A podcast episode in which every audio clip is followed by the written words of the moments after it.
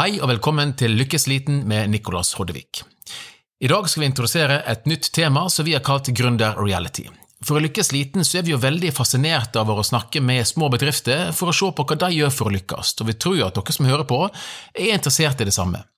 Vi skal derfor nå lage en slags realityserie om oss sjøl, eller rettere sagt rettere, slakt, rettere sagt om bedrifter bak Lykkesliten som heter Tinga. I Tinga lager vi nå en eh, markedsplass i form av en app der vi skal gjøre det enklere for små bedrifter å selge eh, produktene sine online. Nå skal vi lage en reality-serie der dere skal følge oss som oppstartsbedrift fra A til Å, forhåpentligvis helt fram til suksess. Men om vi ikke lykkes, så skal vi ta dere med på nedturen òg. I første episode så skal vi ta en liten eh, oppsummering over hva vi har gjort så langt, og vi har valgt å kalle episoden En fødsel.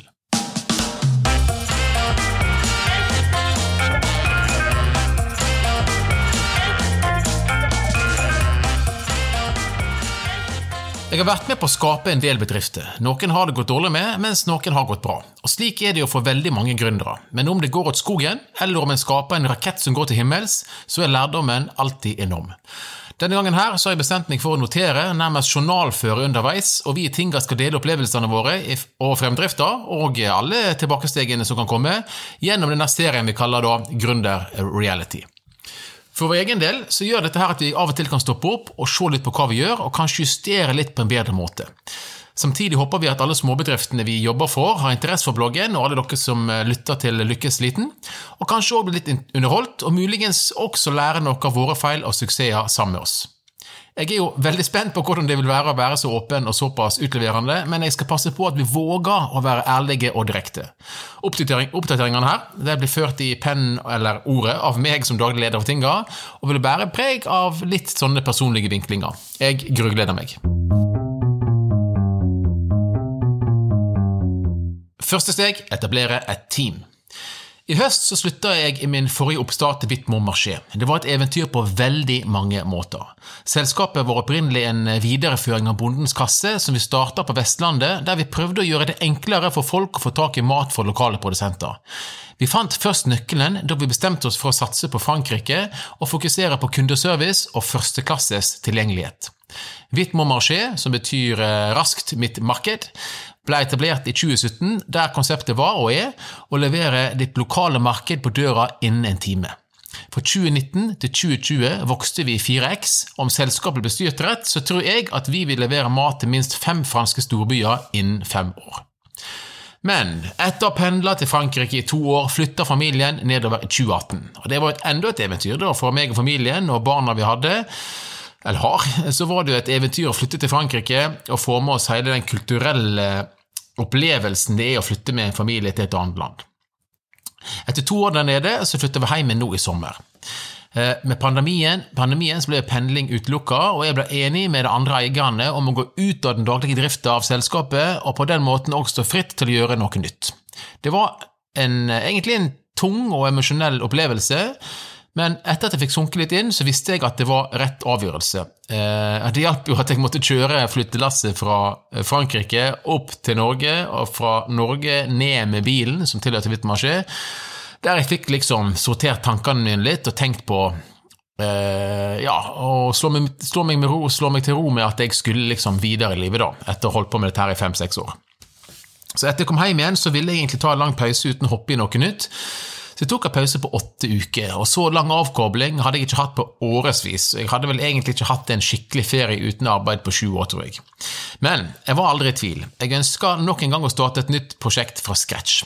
Og Denne gangen her så hadde jeg likevel et krav. Jeg ønska å starte et teknologiselskap.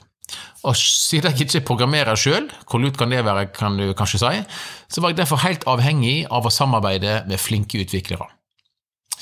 Så I høst så tok jeg opp tråden med min gamle kollega for Bondens kasse, Oskar Lie. Han er en dyktig programmerer, og han er òg matprodusent på si, det er en herlig kombinasjon. Jeg visste at Oskar alltid er klar for eventyr, og så begynte vi å snakke om å starte noe sammen. Samtidig så hadde jeg en annen programmerer i bakhodet, og det er da Brjø. Og Brjø han var sjefsprogrammerer i Hvitmo Maskin og jobba der, og slutta i selskapet ca. samtidig som meg. Og Jeg visste òg han ville ut og prøve noe nytt, og gjerne noe sjøl. Jeg tok en telefon, og den dyktige og ydmyke franskmannen var gira. Ja, det fins faktisk noe som en ydmyk franskmann.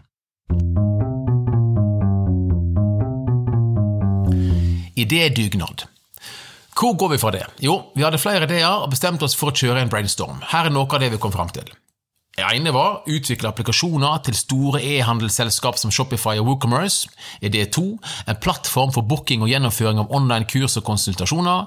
Idé tre en markedsplass som det, vil gjøre det enkelt for små lokale bedrifter å selge online. Det som vi valgte da, som ble tinga. Nummer fire en plattform som gjør det enklere å dele nøkkelinformasjon med ansatte, eiere og styre.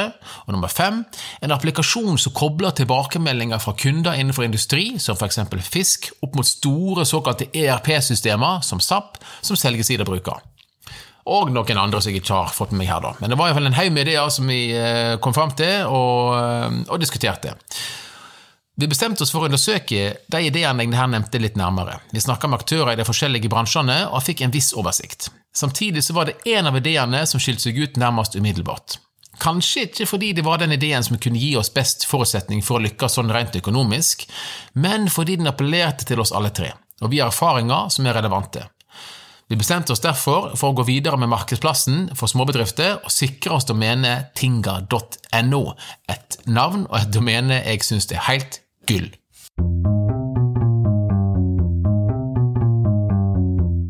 Lean. Etter å ha jobba med oppstartsselskap i noen år, er det naturlig for oss å bruke lean-metodikk i vårt arbeid. Og Et av de viktigste elementene der er at vi tidlig i utviklingsfaser får tilbakemeldinger fra kunder.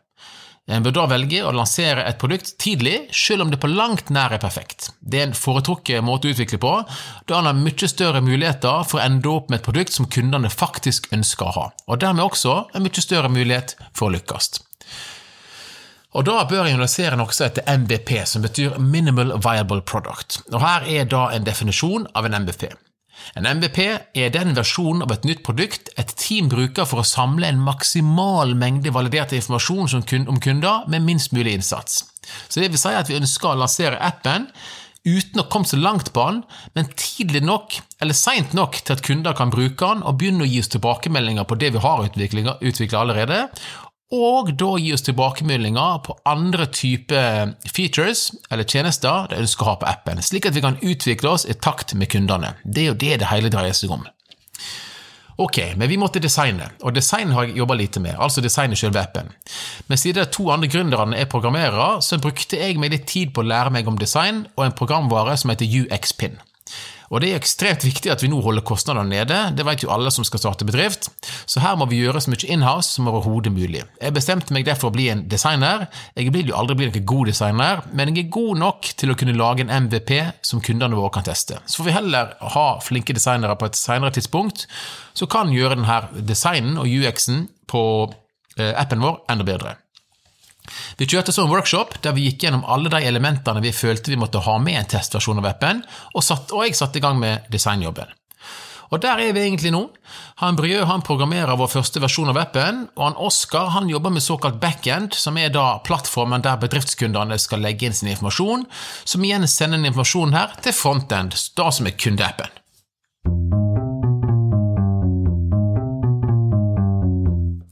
Haugesunds Avis Nylig så publiserte vi en bloggartikkel om visjonen vår og delte det på sosiale medier. Haugesunds Avis, som er da regionsavisen på Haugalandet, var på hugget og ønska å kjøre en sak om tinga. Og Det syns vi jo selvfølgelig er veldig spennende.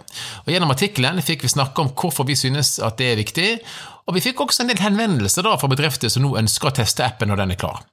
Jeg hadde i utgangspunktet tenkt at medieoppmerksomhet ville være perfekt når appen først var klar, men dette her er jo egentlig midt i blinken. Nå vet mange at tinga vil komme, og det er litt enklere for oss å snakke med potensielle kunder og få relevante tilbakemeldinger. Det her vi er nå. Vi gleder oss til fortsettelsen, og jeg skal legge inn en ny episode så snart vi har eh, mer å ytre om hvor langt vi kom til tinga, slik at du kan følge med her på podkasten Lykkes liten.